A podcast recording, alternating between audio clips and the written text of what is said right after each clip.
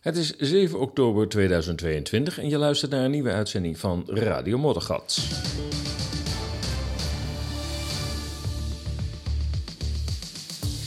Ja, er is geen ander medicijn tegen misleiding en manipulatie dan de waarheid. Radio Moddergat, de vrije podcast van werpt een ander licht op het voorgeschreven narratief. Twee wekelijks met berichten over bizarre tijden. Mijn naam is Paul de Bruin en ik neem je mee langs opmerkelijke ontwikkelingen van de afgelopen weken.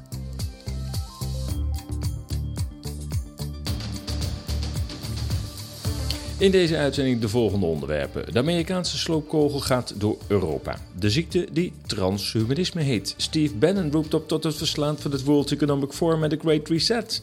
Het onbespreekbare onderwerp kindermisbruik. En Oekraïne luidt land voor corrupte politici. Tot slot, ongemak bij Bloomberg als iemand zijn mening over Nord Stream geeft en die dus niet onder stoelen of banken steekt.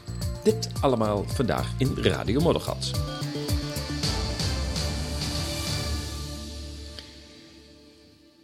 Ja, een hele goede avond, goedemiddag, goedemorgen. Ik weet niet wanneer, precies wanneer je luistert. Misschien luister je op zaterdag of op zondag. Dat is het mooie natuurlijk van, de, van podcast. Er zijn alweer twee weken verstreken en het is ongelooflijk wat er in twee weken tegenwoordig gebeurt. Het, uh, het een is nog niet verwerkt of het volgende dient zich alweer aan. En over alles lijkt gelogen te worden. Ik, uh, ik heb ook verbaasd over, uh, over het feit dat, ehm, dat de media ehm, toen uh, nou ja, die Nord Stream aan, de orde, aan de orde was, hè, dus de, de, de, aanslag op de twee Nord Stream pijpleidingen, meteen in de richting van Rusland uh, wezen. En dan denk ik, ook de meest serieuze media, dan denk ik, hoe is het mogelijk? Ik bedoel, als je toch even nadenkt, dan denk je, ja, dit, dit, dit kan gewoon niet. Dit kan gewoon niet waar zijn. Hè? Dat, dat Rusland dat gedaan. Nou ja, we komen er later in de uitzending op, op terug. De Amerikaanse sloopkogel door Europa. Want ja, laten we eerlijk zijn, die sancties tegen Rusland. die hebben natuurlijk veel meer effect op Europa dan op Rusland. Het maakt Rusland in hoog tempo zelfstandig. Het zorgt ervoor dat Rusland in hoog tempo zijn gezicht van west naar oost uh, keert. Maar je ziet dat Europa gewoon eraan onderdoor gaat. En ik denk dat heel veel politici in Europa zich dat ook wel realiseren. De vraag is, waarom doen ze hun mond niet open? Ja, is nou die, zijn nou die sancties uh, bijkomende schade? Zo van, ja, ja oké, uh, we willen Rusland treffen en dit moeten we er dan maar voor over hebben. Dat is een beetje het verhaal van uh, onze politici. Um, of is er eigenlijk meer aan de hand? Er zijn steeds meer indicaties dat Europa bewust object van deze sancties is. Het is even wennen aan het idee dat onze toenmalige bevrijders ons continent momenteel met sancties tegen Rusland aan de rand van de afgrond brengen. Onder voorwendsel van een geprovoceerde oorlog in Oekraïne worden de Europese burgers uitgenodigd om hun decennia lang opgebouwde welvaart op te geven, hun exceptionele Nederlandse landbouwsector te ontmantelen en hun comfortabele en betaalbare aardgas af te sluiten en de grootste economische crisis sinds 1929 te aanvaarden. Hulp bij de sloop komt van onze nationale en Europese leiders. Amerikaanse investeerders als BlackRock staan klaar om de failliete boedel op te kopen. Ja, het is, het is moeilijk voor te stellen dat een bondgenoot van Europa, waarmee wij in de NAVO zitten, haar Europese vrienden schade wil berokkenen. Toch wordt die gedachte wel steeds waarschijnlijker, want terwijl Rusland langzaam opkrabbelt en zich van Europa afwendt, zakt Europa steeds verder weg. En de leiders van Europa en de VS zien het, maar laten het gebeuren. Er dook in het Zweeds nationalistische dagblad Neja Dagbladet een vermeend uitgelekt document van de Rand Corporation op dat het volgende zou inhouden. Ik, ik citeer uit dat document, maar ik kom ook over de status van het document direct terug. Volgens het gelekte document wordt gedetailleerd uiteengezet hoe de energiecrisis in Europa door de Verenigde Staten is gepland. In het document wordt erkend dat het agressieve buitenlandse beleid dat Oekraïne voor het conflict voerde, Rusland ertoe zou aanzetten militair tegen het land op te treden. Het eigenlijke doel was, al dus dat gelekte document, Europa onder druk te zetten om een hele reeks van sancties tegen Rusland in te stellen, sancties die al waren voorbereid. De economie van de Europese Unie zal hierdoor onvermijdelijk instorten, al dus dat document, en hierdoor tot 9 miljard dollar aan middelen naar de Verenigde Staten terugvloeien en goed opgeleide jongeren in Europa gedwongen zullen worden om te emigreren. Het belangrijkste doel dat in het document wordt beschreven is om Europa, vooral Duitsland en Rusland, te verdelen en de Europese economie te vernietigen door nuttige idioten op politieke posities te plaatsen om te voorkomen dat Russische energieleveranties het continent bereiken. Um, ja, of dit document echt is of niet, is niet na te gaan. Ik moet zelf zeggen, um, naar mijn idee ontbreekt enig bewijs van authenticiteit van het document. Uiteraard ontkent natuurlijk de Rand Corporation het bestaan ervan, maar dat zegt natuurlijk weinig. Er is toch in het, uh, uh, en toch is het verre van ondenkbaar dat de gedachtegang in het document heerst in de Verenigde Staten. De VS hebben altijd de strategie gevolgd naar het motto uit 1947 van de NAVO: Keep the Americans in, in Europa, the Russians out and the Germans down. In een eerder rapport, dat is overigens wel openbaar en staat gewoon op hun uh, website uh, van de Rand Corporation. Rand Corporation is een particuliere adviesorganisatie in de Verenigde Staten en die adviseert de Amerikaanse uh, regering op geopolitiek terrein. Ik heb er ook een artikel over geschreven over het rapport waar ik het nu over ga hebben, het Rand-rapport uit 2019. Dat beschrijft ehm, een aantal manieren, ik geloof 17 manieren, om de Russische economie te vernietigen. Destructie als middel is de VS natuurlijk niet vreemd. We zien de adviezen uit het rapport nu in werking. Dus in die zin, ja, kun je wel zeggen dat dat rapport wordt gevolgd. Wat ik zei, er staat een artikel op, uh, op ezas.nl over dat rapport. Hoe Amerika Rusland moet vernietigen. Ik haal nog een citaat aan uit dat toch de, de, het rapport waarvan ik de authenticiteit zeer betwijfel. Waarom ik dat toch doe, is omdat de gedachtegang die erin staat, naar mijn idee wel klopt. Sterker nog, ik denk andersom. Men heeft dat wat men nu meent te zien, in een mogelijk vervalst rapport vervat om uh, het meer autoriteit te verlenen. Nou, ik denk dat dat een slechte zaak is, maar goed, dat terzijde. Goed, dat citaat. De enige mogelijke manier om ervoor te zorgen dat Duitsland Russische energieleveranties afwijst, is beide partijen bij het militaire conflict in Oekraïne te betrekken. Onze voortdurende acties in dit land zullen onvermijdelijk leiden tot een militaire reactie van Rusland. Het is duidelijk dat Rusland de druk van het massale Oekraïnse leger op de Volksrepubliek Donetsk uh, niet zonder militair antwoord zal laten. Dit zou het mogelijk maken om Rusland als agressieve partij af te schilderen en vervolgens het hele pakket sancties dat al is opgesteld uit te voeren. Einde citaat. Nou, nogmaals, ik pak dat niet in het vermeend Rand-rapport, maar gezien Rands eerdere adviezen over de vernietiging van Rusland, sluit ik niet uit dat dit wel hele gangbare gedachten zijn in de Verenigde Staten. En misschien zien we ook nu wel de uitwerking uh, daarvan. Nou ja, de gebruikte taal in het rapport, daarom twijfel ik ook over de authenticiteit, vind ik een beetje over de top. Het is iets te direct geschreven, waardoor het rapport toch niet kan vertrouwen. Maar ja, neemt niet weg dat wie de ontwikkeling op de voet volgt, kan zien dat bovenstaande, dus voor wat ik net vertelde, in de praktijk wel degelijk realiteit is. De VS wil haar positie versterken door haar politieke, Rusland dus, uh, tegenstander en economische tegenstanders, de EU, tegen elkaar op te zetten en beide uit te putten.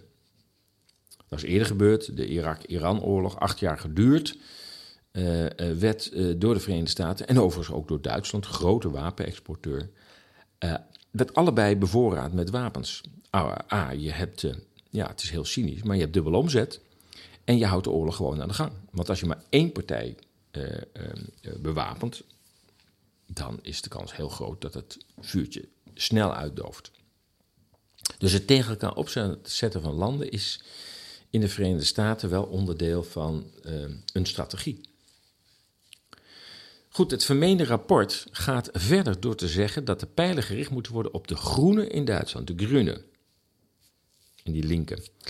Zij kunnen met hun dogmatische benadering van duurzaamheid gebruikt worden om Duitsland van het Russische gas af te koppelen. Nou, nogmaals, of het rapport nou wel of niet bestaat, dit is een zeer gangbare gedachte. Concreet worden genoemd Annalena Baerbock, de minister van Buitenlandse Zaken, en de klimaatminister Robert Habeck. Die laatste kwam nog in de Duitse media een beetje op een rare manier uh, uh, te kijken te staan, doordat um, op de vraag van de presentatrice van ja, hoe, hoe, hoe gaat het nou als, als, als nou ja, bakkers en allerlei bedrijven hun aardgas niet meer kunnen betalen, hun energie niet meer kunnen betalen. Nou ja, ja dan moeten ze maar ja, tijdelijk sluiten. Ja, zegt de presentatrice, maar dat, geen inkomsten, wel uitgaven. Dat kan toch niet? Jawel, jawel, jawel. Ja, dat, dat, dat, kan best wel. En uh, ze hebben toch ook nog geen uitgaven? Nou ja, het gesprek uh, uh, liep uit op een zichtbare verbazing bij de presentatrice. Zo van, ja, hoe, hoe is het mogelijk? Snap je nou werkelijk niet wat er gaande is? En dat was wel een momentje waarop Habeck door de mand viel als een man die ook totaal niet weet waar hij mee bezig is. En dat vind ik overigens wel, naar persoonlijke mening, dat wat we nu in, ieder geval in Europa, maar goed, kijk even naar de president van de Verenigde Staten, dat we daar wel enorme lichtgewichten hebben zitten. Mensen die ja, een soort politiek managers zijn. Nou, Rutte is daar wel het eh, exemplarisch voor natuurlijk. Die gewoon de opdrachten uitvoeren en verder geen enkele visie hebben. Het was toch Rutte die zei dat een visie een olifant uh, was die uh, het zicht ontnam. Ja, nou ja, dat soort managers hebben we nu. En die hebben dus geen enkele visie op wat er nu uh, gebeurt. Klaarblijkelijk en, en, en rennen samen met de media op, op de afgrond af. Goed, Habeck. Baerbock was overigens eerder nog in het nieuws over dat zij het lot van het Duitse volk wil opofferen voor het hoge doel. Oekraïne kon haar eigenlijk niet schelen wat haar kiezersvolk dacht. We moesten er maar even doorheen. Het Duitse volk moest maar even lijden voor Oekraïne. Hier het fragment. But if I give the promise to people in Ukraine, we stand with you as long as you need us.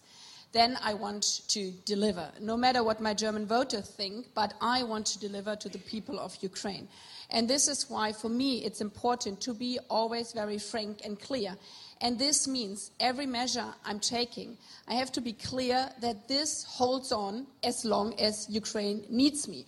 We are facing now a winter time where we will be challenged as democratic politicians. People will go on the street and say, we cannot pay our energy prices. And I will say, yes, I know, so we help you with social measures. But I don't want to say, okay, then we stop the sanctions against uh, Russia.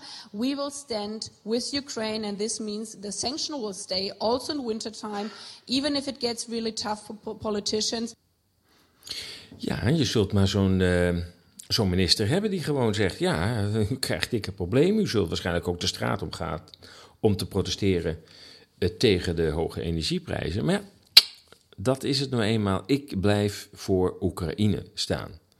Ja, dat Oekraïne is natuurlijk wel een toverwoord, laten we eerlijk zijn. Want wat is Oekraïne? Het staat voor heel veel belangen. Dus als hij zegt wij staan voor Oekraïne, dan denk ik ja, welke belangen spelen allemaal dan een rol? Hoe dan ook, dat vermeende uh, rapport uh, waarvan ik overigens de authenticiteit niet kan vaststellen en ook zeer betwijfel of het echt is. Het rapport lijkt overigens geen voorspelling te zijn, maar dus een beschrijving van de huidige situatie. En we moeten het vermeende document maar laten voor wat het is.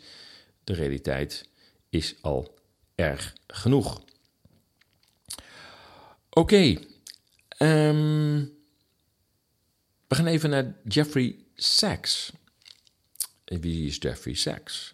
S-A-C-H S. Jeffrey Sachs is professor bij de Columbia, Columbia University in, uh, in de Verenigde Staten.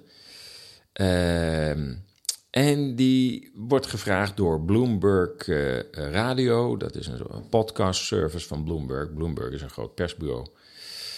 En die, uh, ja, die vraagt. eh, men zegt dat in die radio-uitzending meer kan dan eh, online in, in de Bloomberg eh, geschreven versie in de web, op de website. Well, Europe is in a very, very sharp economic downturn. The sharp decline of output and living standards also shows up as a rise of prices. But the, the main fact is that the European economy is getting hammered by this, by the sudden cutoff of energy. And now, uh, to make it uh, definitive, the destruction of uh, the Nord Stream pipeline, which I, I would bet was a U.S. action, perhaps U.S. and, and Poland. Uh, this is uh, right, Jeff, Jeff, we got to stop there. That's a, that's a quite a statement as well. Why do you feel Absolutely. that that was a U.S. action? What evidence do you have of that? Well, first of all, there's direct radar evidence that U.S. Uh, helicopters, military helicopters that are normally based in Gdansk, uh, were uh, circling over this area. We also had the threats from the United States earlier in this year that one way or another, we are going to end Nord Stream. We also have a remarkable statement by Secretary Blinken last Friday in a press conference. Uh, he says, This is also a tremendous opportunity. It's a strange way to, it's, uh, sorry, it's a strange way to talk if you're worried about the piracy on international infrastructure of vital significance. So I know this runs counter to our narrative. It runs, you're not allowed to say these things uh, in, in, uh, in the West. But the fact of the matter is, all over the world, when I talk to people, they think the Okay. U.S. did it. And just to Professor, tell you, well- and, and by, by the way, even reporters on our papers that are involved tell me privately, yeah, well, of course, but Well- it doesn't show up in our, our media. Professor, I, I, I want to get into tit for tat about what did or Ja, ja, ja, dan wordt er enige verwarring. Zo van, oh hemel, wat, eh, wat horen we nu? Ehm, ik denk dat hij daar een punt eh, heeft, want laten we eerlijk zijn. Het narratief eh, dat Rusland dat gedaan heeft, is natuurlijk ehm, ja, te waanzinnig om eh, te overwegen. Laten we eerlijk zijn, de, de, het, gebeurde dus letterlijk eh, onder eh eh, Bornholm, het eiland van, van Denemarken. Dus tamelijk dichtbij de Deense, ehm, eh, de- Deense land. Daarnaast is het zo dat dat deel van de Oostzee ehm, heel erg goed door NAVO wordt eh, bewaakt. Want dat is de doorgang voor eventuele Russische marineschepen naar de Noordzee. En men zegt dat ook er nogal wat sensoren eh, in het water zijn aangebracht om onderzeeërs, Russische onderzeeërs, te kunnen spotten. Dus eigenlijk kan daar in dat gebied niets in en uit zonder dat de NAVO dat onmiddellijk eh, ziet. Zou dus erg bijzonder zijn dat Russen erin zouden zijn geslaagd. Een dergelijke complexe operatie, dat je niet met een rubberbootje kunt uitvoeren, eh, daar met een marineschip gelegen zou hebben gedurende enkele dagen. En dat de NAVO dat niet zou hebben opgemerkt. Dat is, dat is ja, ja, dat kun je gerust eh, uitsluiten. Maar het geeft aan hoe ver men wil gaan in het, in het absurdistische eh, in de media. Om mensen maar op het verkeerde been te zetten. Want ja, ook al zullen veel mensen denken van ja, als je een beetje doordenkt, dan, eh, ja, dan kan dat eigenlijk helemaal niet. Ehm, maar de twijfel is gezaaid. Hè. Ik hoor ook mensen zeggen: ja, ja, ik weet ook niet of Rusland dat gedaan heeft. Maar ja, ja, het is wel een van de opties. En dat is dus wat blijft hangen: verwarring zaaien. Elke keer weer verwarring zaaien. Ook al is het narratief eigenlijk tamelijk ongeloofwaardig, ehm, dan nog zaait het twijfel. Goed, lees ook het artikel op ezas.nl. De Amerikaanse sloopkogel door Europa. Eh, mijn idee eh, is het dat de Amerikanen duidelijk ook Europa op het oog hebben. En vooral Duitsland. Duitsland neigde ertoe om te veel aan te pappen met Rusland. Men kan zeggen dat de Tweede Wereldoorlog ook hetzelfde doel had. Zet Duitsland en Rusland tegen elkaar op en laten ze elkaar vernietigen. Nou, dat is aardig gelukt. Duitsland is aardig met de grond gelijk gemaakt. En de Russen verloren 26 miljoen burgers eh, en soldaten. 26 miljoen. Dus de opzet is geslaagd. Zet Duitsland en Rusland tegen elkaar op. En ze zijn voorlopig weer ehm, ondergeschikt aan ons, aan het Westen. Ehm, ja, weliswaar is er nog. Nou wel, ja, ik eh, blijf het bijna ontkennen. Maar er is natuurlijk al een oorlog gaande. We zitten al gewoon in een oorlog. Wij ook, Nederland, via een niet verkozen club in Brussel die verklaart dat wij daar aan mee moeten uh, uh, doen. En dat weer waarschijnlijk op instigatie van de Verenigde Staten, van de NAVO. Um, ja, dan, dan zie je dat eigenlijk diezelfde doelen weer worden nagestreefd. Haal Duitsland uh, weg bij Rusland. Probeer Rusland een paar koppen kleiner te maken. Kap ook de banden met China af. Hè. De, de, de Belt and Road Initiative die gaat door een aantal landen waar Amerika nu weer actief wordt om te zorgen dat het Belt and Road ook niet van de grond komt, althans niet verder dan het nu al is. Ja, we moeten denk ik toch erkennen dat onze Amerikaanse vrienden um, ja, ons wel als vrienden accepteren, maar we moeten niet het grote mond krijgen, we moeten niet onafhankelijk worden en we moeten de Amerikaanse economie en de politieke hegemonie in de wereld niet betwisten. Ja, nou ja, of de, of Rand-rapport uh, uh, uh, dat het Zweedse nationalistische blad aanhaalt nu authentiek is of niet, de praktijk laat weinig ruimte tot speculatie. De VS beschadigt willens en wetens ons continent. Ja, we gaan over naar de ziekelijke gedachtenwereld van de transhumanisten. Het is voor velen nog een raadsel hoe Yuval Harari van de Universiteit van Jeruzalem, hoe we die moeten plaatsen. Hij is persoonlijk adviseur van de oprichter van het World Economic Forum, Klaus Schwab. En Mark Rutte liet laatst in een interview weten een groot bewonderaar van hem te zijn. Maar wie is deze man? Is hij voorspeller van groter transhumanistisch onheil of pleitbezorger? Harari is een Israëlische historicus en futuroloog. Dat kan blijkbaar samengaan. Tot 2014 was hij een onbekende wetenschapper gespecialiseerd in geschiedenis van de middeleeuwen, notabene. Hij kreeg wereldfaam door drie boeken. Sapiens, Homo Deus en 21 lessen voor de 21ste eeuw. Ik lees op een, uh, op een website, ik citeer, hij voorspelt dat iedere 7 tot 10 jaar de wereld drastisch gaat veranderen en iedere keer ontstaat daardoor weer een cultuurshock. De technologische ontwikkelingen gaan zo snel, aldus Harari, dat je jezelf steeds opnieuw moet uitvinden. Tegelijkertijd vraagt hij zich af hoe vaak een mens zich binnen één leven kan aanpassen. Bij het ouder worden is het geestelijk evenwicht steeds lastiger te bewaren. Met betrekking tot het onderwijs adviseert hij een nieuw leervak te introduceren: emotionele intelligentie.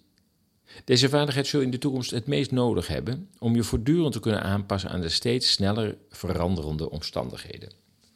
Einde citaat. Ja, zijn technisch determinisme, waarbij de techniek ons leven elke 7 tot 10 jaar in de war schopt, als zou het een natuurverschijnsel betreffen, is natuurlijk opmerkelijk. En gaat ervan uit dat wij als mensheid niet meer zullen beschikken over ons eigen lot. Zijn opmerking dat bij het ouder worden het geestelijk evenwicht steeds lastiger te bewaren is, lijkt omgekeerd van de praktijk. Hoe ouder, hoe harder men vasthoudt aan bepaalde uitgangspunten gebaseerd op levenservaringen. Laten we even naar hem luisteren uh, in een bijdrage van de BBC. Does this COVID-19 crisis, which you call the biggest crisis of our lifetimes, does it to you represent in the end little more than a bump in the road? Or is it something more profound than that?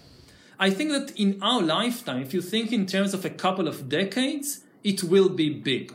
Not just, not because of the epidemic itself, but even more so because of the economic and political consequences. But in the long sweep of history, you know, thousands of years, no, I don't think it will be one of the big events of history. It is. It could be a watershed event in several ways, like we discussed earlier with surveillance. People could look back in a hundred years and identify the coronavirus epidemic as the moment when a new regime of surveillance took over, especially surveillance under the skin, which I think is maybe the most important development of the 21st century, is this ability to hack human beings to go under the skin, collect biometric data, analyze it, and understand people better than they understand themselves. This, I believe, is maybe the most important event of the 21st century. The, moment when a system out there knows me better than I know myself. Je weet bij uh, Arai eigenlijk nooit of hij ons uh, behoedt, of wil behoeden, voor uh, naderend transhumanistisch onheil. Of dat hij, hij dat ook bepleit. Dat, dat, elke keer als je naar hem luistert, denk je van ja, probeer je ons nou te waarschuwen of ben je nou gewoon een warm pleitbezorger van dit alles? Want hij zegt in deze korte bijdrage dat um, COVID-periode uh, uh, achteraf zou worden bezien als het moment waarop de surveillance, uh, de bewakingssamenleving, een grote vlucht neemt. En vooral de surveillance under the skin, oftewel bewaking onder de huid. En het zal ertoe leiden volgens hem dat anderen ons beter kennen dan wij zelf. Nou komt dat in de menselijke verhoudingen vaak ook nog wel eens voor maar dan gewoon op menselijk niveau. Maar hier gaat het natuurlijk om dat door het implanteren van een, uh, uh, van een chip er data uh, naar een centrum gaan die zo verfijnd zijn dat zo'n centrum uiteindelijk jou beter kent dan jij jezelf. In feite zijn we denk ik volgens mij daar al lang aan beland, want wat we allemaal online doen, wordt ook allemaal opgeslagen. Hè? Dus wie uh, goed gebruik maakt van uh, YouTube en Gmail uh, en de, de Google zoekmachine, dan, dan weet je dat, dat jij een, een, een, dat er inmiddels voor jou een perfect profiel is gemaakt. Hebben we het ook nog niet over Facebook en TikTok en dat blablabla. Maar hebben we het alleen maar over Google. En de Google familie van alle tools die ze hebben. Je mag je foto's erop slaan. Enfin, ik, uh, ik heb al eens gedacht van het is, het is, het is de, beste, de beste set van de Amerikaanse geheime dienst om Google uh, in het leven te roepen. Want de halve wereld dumpt vrijwillig zijn zeer persoonlijke data in Amerikaanse, op Amerikaanse servers. Steve Bannon. Steve Bannon kennen we nog van de tijd dat hij adviseur was van president Trump. Misschien uh, kun, kun je je dat nog herinneren. Een lawaaimakende opponent van alles wat links en woke is. Onlangs sprak hij op een bijeenkomst over The Great Reset. Schoon Bannon bij vele Amerikanen alles behalve populair is, heeft hij toch wel een behoorlijk bereik en een aanzienlijke achterban. Mensen die ook Trump als volgende president weer zouden kiezen. Ik laat een uh, stukje horen van Steve Bannon over het World Economic Forum.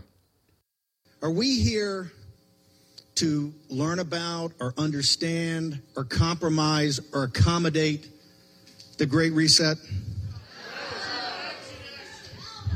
We are here to defeat it.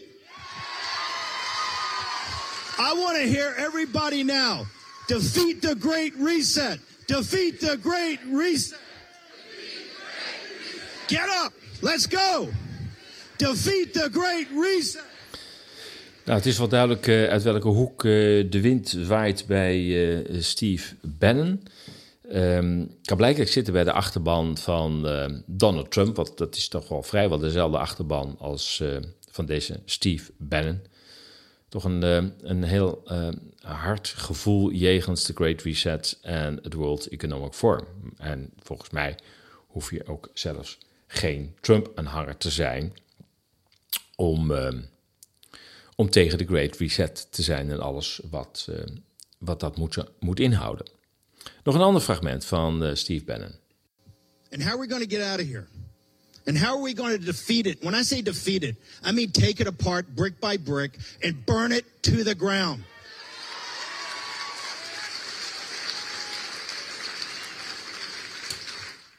Steve Bannon heeft ook een uh, heldere mening over transhumanisme, waar we net even uh, uh, over hadden. wat dat betreft wordt dat in het, hetzelfde potje genomen. En ik merk ook dat mensen die een afkeer hebben van dat wat de Reset zou moeten inhouden, ook een forse afkeer hebben van het transhumanisme. Steve Bannon. And Joe Allen is going to give you details more, but down in the middle of it, it says we consider the biology in the cell to be programmable as a silicon chip, right? Yeah, yeah. And they put $2 billion about it and they have it. So I sit there and go, You know, everybody said all the transhuman guys, the transhumanist guys keep talking about this, a bunch of wingnuts. It's right there in your face. It's also part of the Great Reset. Because remember, what they talk about, and the woman that runs it now, they talk about edited humans, enhanced humans, the merger of man and machine, the merger of man and machine, and she talks about it human 2.0. Human 2.0. Think about have we had a debate on that? Have you noticed any congressional hearings on that? Has that been on MSNBC every night or Fox? Have you noticed? This is the most important thing in us as a species. They run around talking about climate change and all this, you know, the things getting hot, warm, cold. They don't know, up, down. Some theoretical thing that half the mathematicians and physicists and biogeochemists say it's not happening, but that's their religion, right? And Sacramento now is the, is the, is the vax. But they're talking about a real effort that DARPA and they've created all these new entities. They're hurtling down and they're not hiding it. Ja, inderdaad, transhumanisme uh, als, uh, als nieuwe religie, waarbij uh, de mens en um, machine in elkaar moeten overvloeien. En het, het, lijkt wel of het één grote, grote mix is. Je ziet het ook, diezelfde gedachtegang van dat dingen in elkaar moeten overvloeien. Uh, zie je ook bij de hele genderdiscussie. Zo van ja, dat, dat binaire denken dat er een man en een vrouw uh, zou zijn, uh, daar moeten we vanaf. Er zitten nog honderd smaken tussen. Dat, dat, dat, dat samenvloeien en daarmee ook mensen in een, ja, op een zeer onduidelijk, verwarrend pad sturen. Van ja, wie ben ik eigenlijk? Uh, sommigen zeggen, ja, dat is ook met immigratie aan de hand. Meng volkeren, waardoor je minder scherpte krijgt van de eigen cultuur, de eigen gewoonte. En waardoor de landsgrenzen naast formeel ook in culturele zin gaan blurren. Dus zeg maar in elkaar over gaan vloeien. Het is één grote melting pot aan het worden. Alles wordt met elkaar samengesmolten. Het resultaat zal zijn dat er natuurlijk, ja, wat blijft er eigenlijk over? Ik heb geen idee. Maar als je alles met alles vermengt en zegt uh, geslachten bestaan niet uh, meer en er zijn geen specifieke culturen meer en de mens in zijn pure vorm bestaat ook niet meer.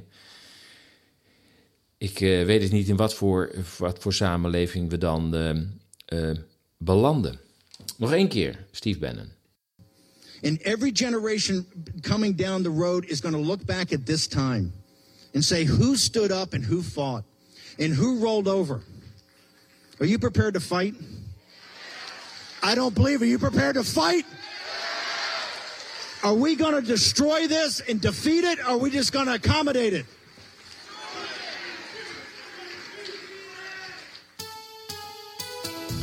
Dit is Radio Moddergat, wereldwijd te beluisteren via Soundcloud, Apple Podcasts, TuneIn en Spotify. We gaan naar een, uh, een moeilijk bespreekbaar onderwerp: kindermisbruik. Achter deze term gaan diverse vormen van misbruik schuil: kinderporno, seks met kinderen, mishandeling van kinderen, satanische handelingen met kinderen en orgaanhandel.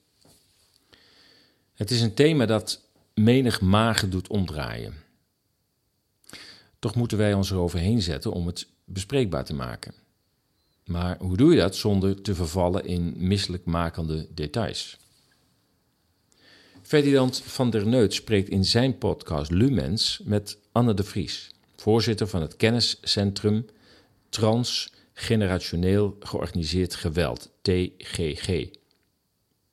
Deze stichting doet onderzoek naar het bestaan van georganiseerd misbruik in Nederland en biedt begeleiding aan hulpverleners. Ferdinand probeert op deze wijze het onbespreekbare bespreekbaar te maken. Een onderwerp waar grote belangen mee zijn gemoeid en je al snel leidt naar donkere krochten van onze samenleving. De stichting Kenniscentrum TGG is een onafhankelijke stichting zonder overheidssubsidie. De stichting zet het onderzoek voort van de werkgroep Ritueel Misbruik, dat in 1993 in opdracht van het ministerie van Justitie, de Inspectie Jeugd Hulpverlening en de Geneeskundige Inspectie voor de Geestelijke Volksgezondheid in het leven werd geroepen. De werkgroep kreeg toen der tijd als opdracht het definiëren en in kaart brengen van ritueel misbruik en het formuleren van voorstellen voor nader onderzoek en of een meldingsprocedure. De werkgroep definieerde ritueel misbruik als volgt. Citaat. Het rituele omgeven en in groepsverband uitgevoerd seksueel sadisme jegens meerdere kinderen in combinatie met extreme vorm van fysiek geweld en bedreiging. Einde citaat.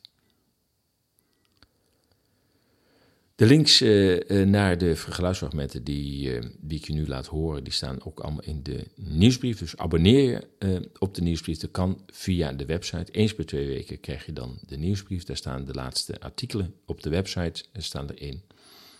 Uiteraard de podcast staat erin. Er staat ook de indeling van de podcast, dus dat je snel naar een bepaald fragment kunt gaan.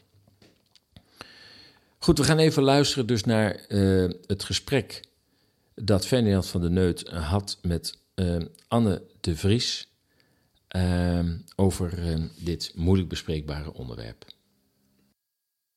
TGG, de term TGG, waar staat dat voor? Het staat voor transgenerationeel georganiseerd geweld. Een, hele mond vol. Mm. oorspronkelijk heette onze groep, onze beweging, onze stichting later Alternatief Beraad. Nou, daar was een hele geschiedenis aan, was een soort geuzennaam. Maar dat moest heel erg uitgelegd worden. En dekte de lading ook niet echt. Dus toen kwamen we op deze titel. Die moet ook uitgelegd worden. Maar die dekt wel beter de definitie waar we mee werken. Het gaat om eh, ingewikkeld seksueel geweld. Mm. Op een langdurige periode. Maar ook grensoverschrijdend over de generaties heen. Dus vandaar transgenerationeel. Ja, oké, dankjewel. Uh, nu kan ik me voorstellen dat als kijkers of luisteraars deze intro al horen, dat ze denken: daar ga ik niet naar kijken. Ja. Ja, uh, vandaar ook mijn intro. Hè? Als we alleen maar naar de positieve dingen in het leven willen kijken, kunnen dit soort dingen blijven bestaan. Maar wat zou jij willen zeggen? Wat vind jij daarvan? Of wat is jouw. Nou, jij kan best wel vertellen wat ik zelf meegemaakt heb. Ik ben er tegenaan gelopen. Zo simpel is het. Hmm. Uh, als predikant uh, heb je gesprekken met een heleboel mensen. Ik heb veel gesprekken gehad met mensen met een uh, trauma-achtergrond. En een klein deel daarvan vertelde heel bijzondere verhalen. heel bijzondere ervaringen. Uh, die dus inderdaad uh, onder de, wat nu TGG heet bij ons uh, vielen. En dan kun je twee dingen doen, denk ik, of stukken wat dingen. In ieder geval, je kunt denken van nou, ik kijk wel de andere kant op. ik hoor dit aan, maar ik doe er niks mee. Of je denkt van help, wat moet ik nou toch in vredesnaam? Ik zoek een andere hulpverlener die het doet. Mm -hmm. Of je, je vraagt je af, wat, wat zegt mijn cliënt, wat zegt mijn, mijn gesprekspartner nou eigenlijk? Nou, en als je dat dan gaat doen, dan rol je langzamerhand in dit veld van deze ervaringen. En dan, uh, dan kom je er wel achter. En als je daar een beetje antenne voor hebt, ik weet niet goed hoe ik het anders moet zeggen. Um, als je er affiniteit mee hebt in de zin van dat je denkt, ik wil er wat mee doen, dat, dat heb ik. Ja. Dan, dan ga je op onderzoek.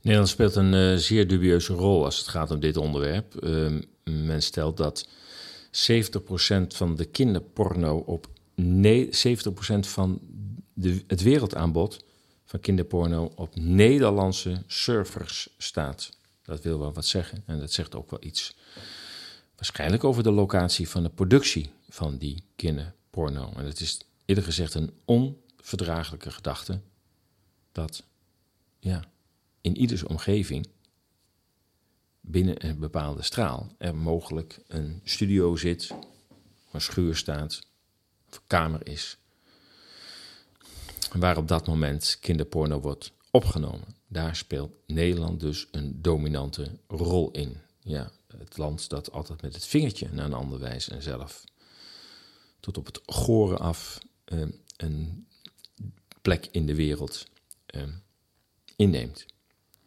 Het satanische misbruik is weer een stap verder. En daarover uh, nu Anne de Vries.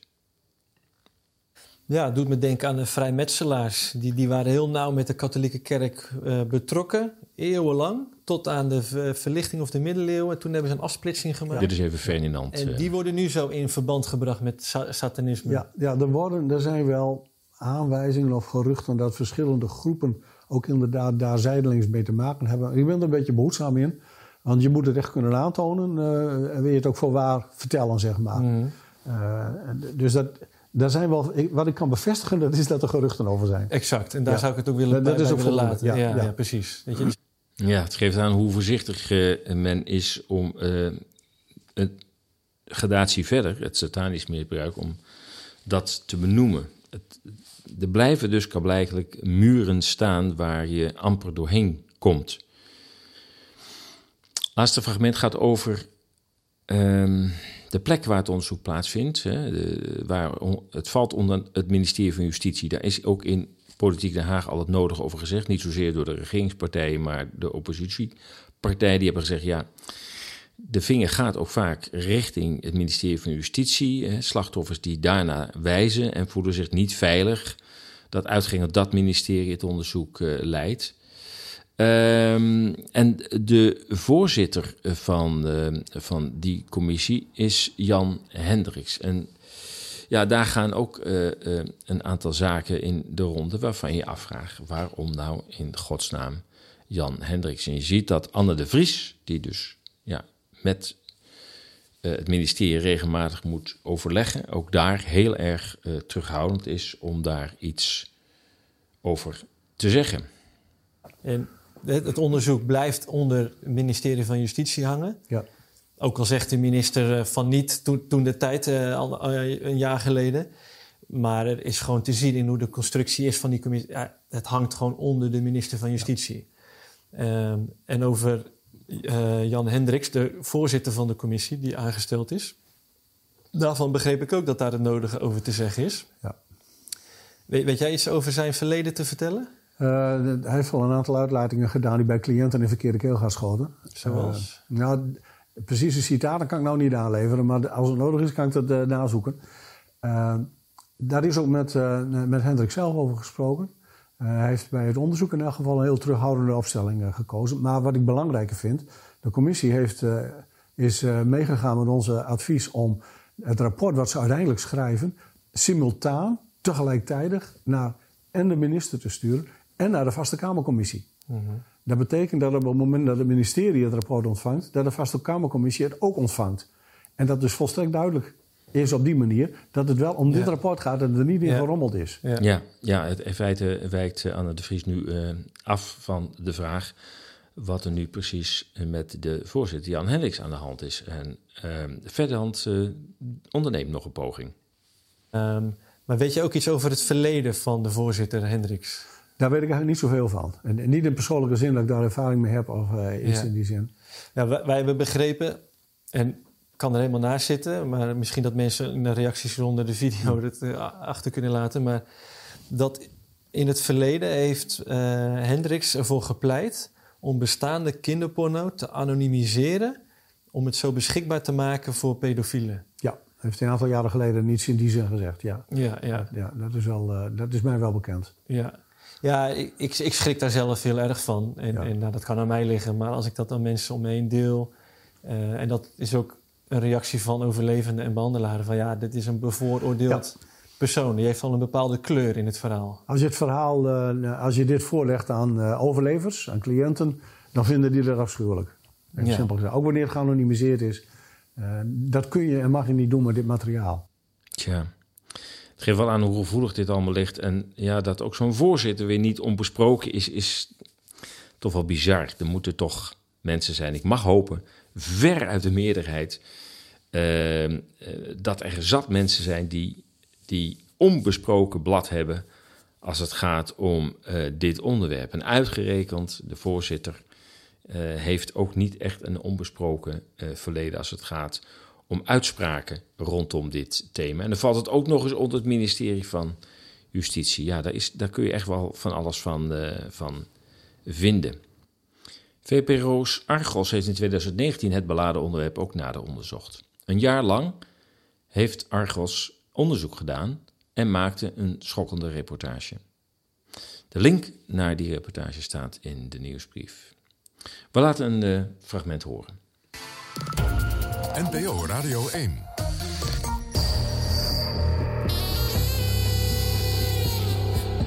Argos.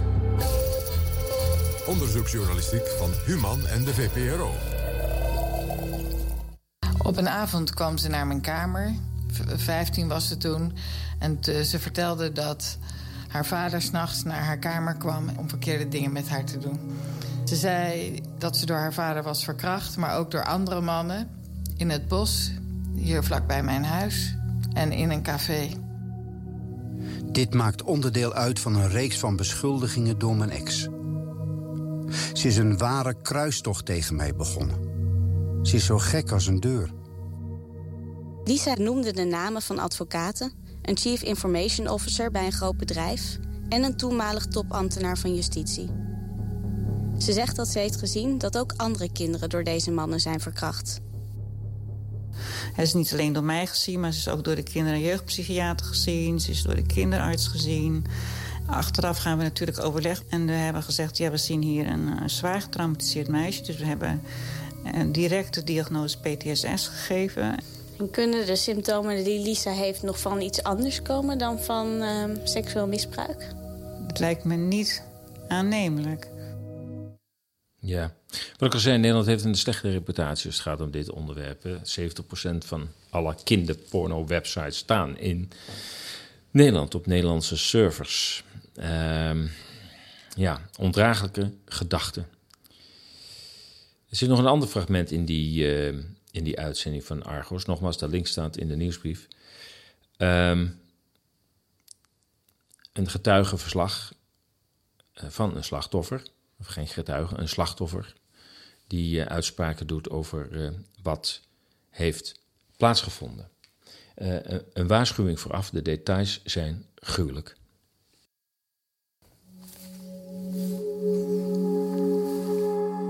Er waren oudere jongens bij.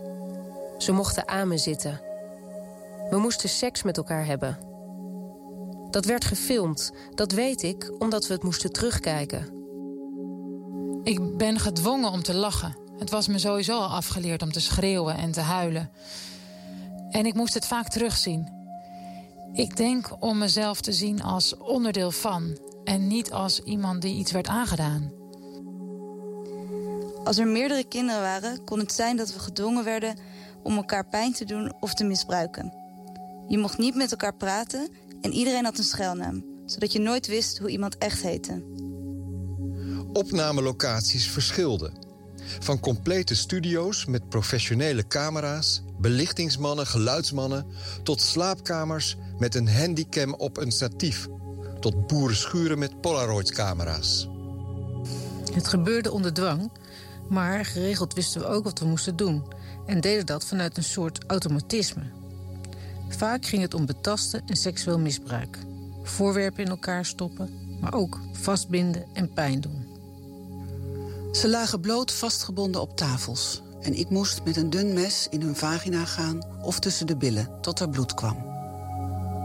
Een andere keer moest ik met mijn vingers hen pijn doen tussen de benen of iets inbrengen. Ze moesten altijd huilen of gillen en ik vond het verschrikkelijk. En soms voelde ik me kil, alsof het iemand anders was. Als ik weigerde, werd ik heel zwaar gestraft. Vaak werd mijn hand vastgehouden zodat ik deed wat ik moest. We moesten anderen vastzetten, dus vastbinden met touwen of klemmen vastzetten op de borst. Vastzetten is ophangen voor seks. Anderen schoppen, op hoofd slaan, zorgen dat ze goed seks hebben. Snijden ook, bijvoorbeeld geslachtsdelen met een zakmes. Pijn werd vaak opgenomen op video. Alles is te zien. De meest gruwelijke varianten zijn vanaf puberleeftijd, met drie mannen tegelijk. En vastbinden op een gynaecologische stoel, met gedwongen orgasmes met vele herhalingen. Ja. Wat moet je daarvan zeggen? Het is, uh, het is gruwelijk. En dat dit soort mensen onder ons zijn, dat is, dat is wat ik het onverdraaglijke aan vind. En het verklaart ook dat in, in tijden van crisis en oorlog er mensen zijn die bereid zijn om dan in het kader van een oorlog het meest gruwelijke met andere mensen uit te halen. Want die mensen zijn onder ons. En in dit geval gaat het ook nog eens over kinderen.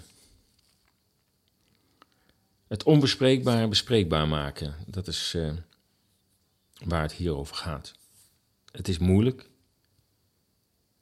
maar We kunnen niet maar alleen het licht in de samenleving zien, zoals eh, Ferdinand zegt. Het duister hoort daarbij en we zullen het duister moeten zien en ook proberen dat duister in het licht te brengen. Ik denk dat we het hierbij moeten laten. De heftigheid van het onderwerp is eigenlijk uh, ja, te groot om daar heel lang bij stil te staan. Maar ik, ik denk dat dit al uh, voldoende is om te beseffen welk kwaad wij in onze samenleving nog hebben.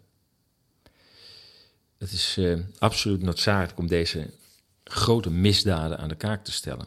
Het kan tenslotte over ieders kind, over uw kind gaan. Elk kind kan in handen vallen van deze zieke criminelen. En hoe moeilijk ook, het onderwerp moet worden besproken.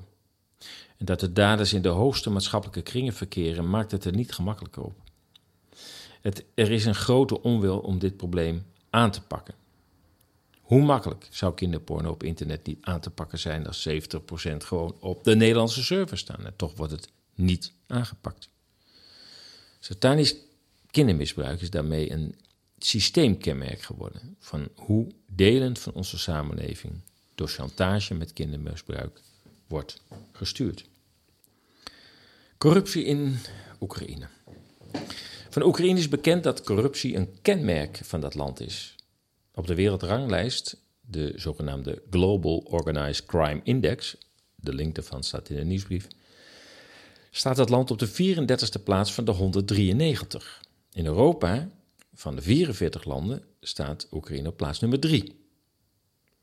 Het is vermoedelijk ook de reden waarom het land voor een corrupte elite zo aantrekkelijk is. Sinds de door de Verenigde Staten gesteunde coup van 2014, geframed als de Maidan-revolutie, is het land uh, eigenlijk bestuurlijk in een chaos gekomen.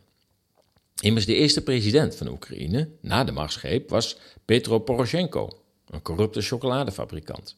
En ook de huidige president, Zelensky, komt voor in de Panama Papers.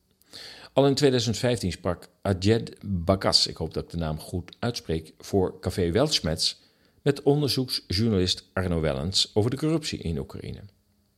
In dit geval over twee personen uit het Westen die zeer veel baat hebben bij corruptie in dat land. Als eerste de Belgische oud-premier Guy Verhofstadt. Dat is de man die altijd zo schreeuwt. Hij stond samen met de Nederlandse VVD'er Van Baal in 2014 het publiek in Kiev op de jutte tegen de toen zittende leiders. We luisteren even naar een fragment waarbij Guy van Hofstad op een vol Maidanplein in 2014 het toegestroomde publiek staat op de jutte en uh, gouden bergen te beloven als Oekraïne bij de EU zou komen. Today, the European Union finally decide to put a decisive step and to start with sanctions against the regime in Ukraine. Visa, visa ban, freezing of assets, and that's only a beginning. Сьогодні Європейський Союз офіційно вирішив ввести санкції проти лідерів партії регіонів. А також, а також заморозити їхні рахунки. I should say finally because we had to take the decisions already far longer weeks and weeks ago. І я маю визнати, що це все ж таки відбулося, тому що це займало чотири довгих тижні. But we have not only to do that, we have also with the European Union to prepare a positive package for the Ukrainian people, a financial package and also a visa-free regime for ordinary citizens in Ukraine. І це ще не все. Ми хочемо запропонувати... Ja, Hans van Baal uh, staat er uh, naast uh, en die staat instemmend te knikken over alles wat het volk van Oekraïne wordt beloofd. In ieder geval een visumvrije toegang tot de Europese Unie. U ziet hoe lang dit eigenlijk al gaande is, uh, dit hele uh, gedoe, waarvan destijds al door een aantal mensen werd gezegd: pas op, want voordat je het weet, duikelen we een, een oorlog in met, eh, met Rusland. Ja, en eh, hier hoor je nog even um, Kiefer Hofstad die op een gegeven moment niet meer boven het publiek uitkomt dat hij eh, zelf heeft staan, staan opzwepen. We have won. We have won.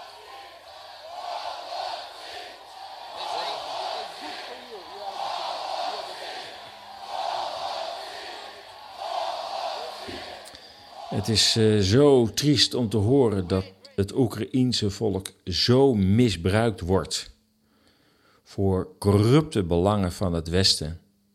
Belangen ook voor grondstoffen, belangen ook voor landbouwgebieden. Belangen ook om alle misdaad die daar mogelijk is en waar het Westen gebruik van maakt, om dat in stand te laten. Deze mensen zijn nu slachtoffer van die ambities. En als mensen zeggen, ik, uh, ik sta achter Oekraïne, dan kan ik me het in die zin voorstellen dat je zegt, ik sta achter het Oekraïense volk. Dat letterlijk door het Westen genaaid wordt. En dan heb ik inderdaad medelijden met het Oekraïense volk. Want ze zijn slachtoffer van onze materialistische en machtsambities. En als we nog een keer denken aan, aan Oekraïne, het uithangen van de vlag, dan is het niet dat we de oorlog moeten uh, legitimeren daarmee. Ik hoop ook dat de mensen die de vlag hebben uithangen, de Oekraïnse vlag, dat, dat, dat ze dat niet bedoelen. Maar dat ze oprecht medelijden hebben met het Oekraïense uh, volk.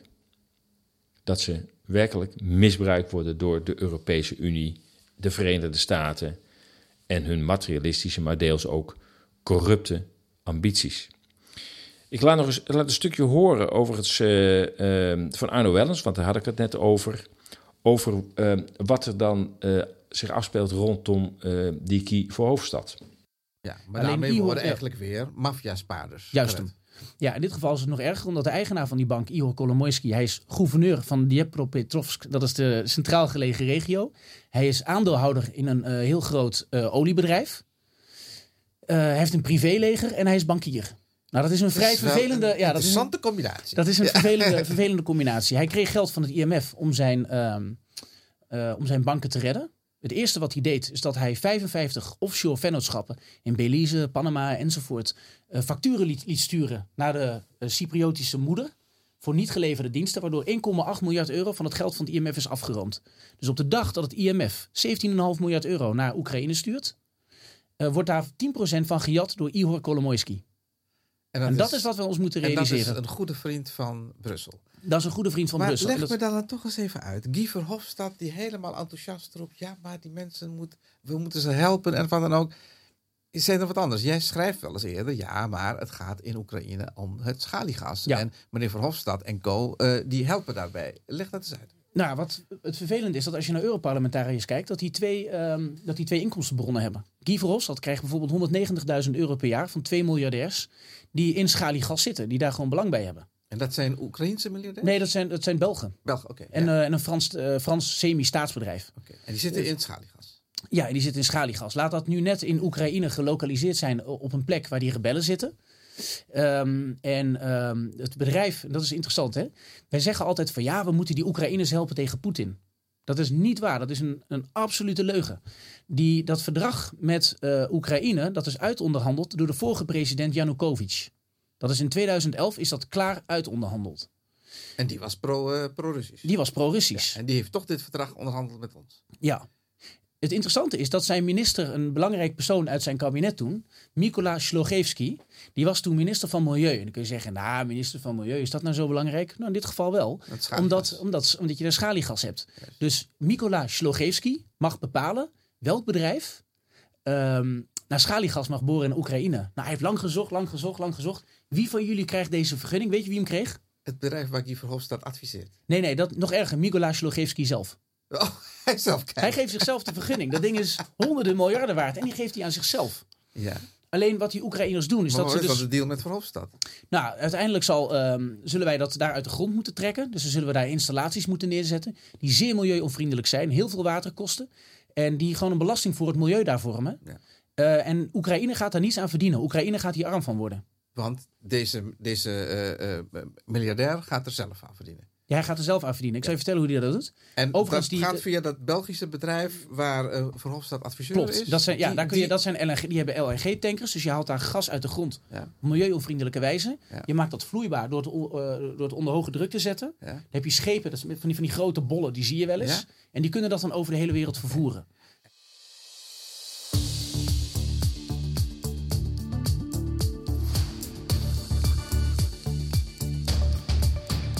Het zit er weer op. Radio Moddergat van de 7 oktober 2022. Als je deze uitzending hebt gewaardeerd, bezoek dan onze donatiepagina op ezas.nl.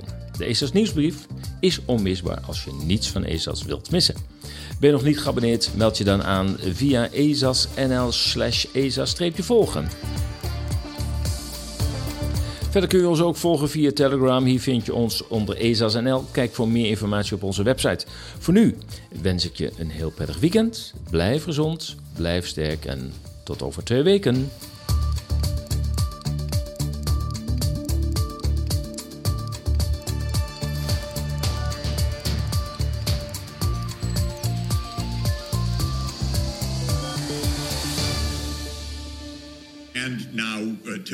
Definitive, the destruction of uh, the Nord Stream pipeline, which I, I would bet was a U.S. action, perhaps U.S. and, and Poland. Uh, this is uh, right, Jeff. Jeff, we got to stop there. That's a that's a quite a statement as well. Why do you feel Absolutely. that that was a U.S. action? What evidence do you have of that?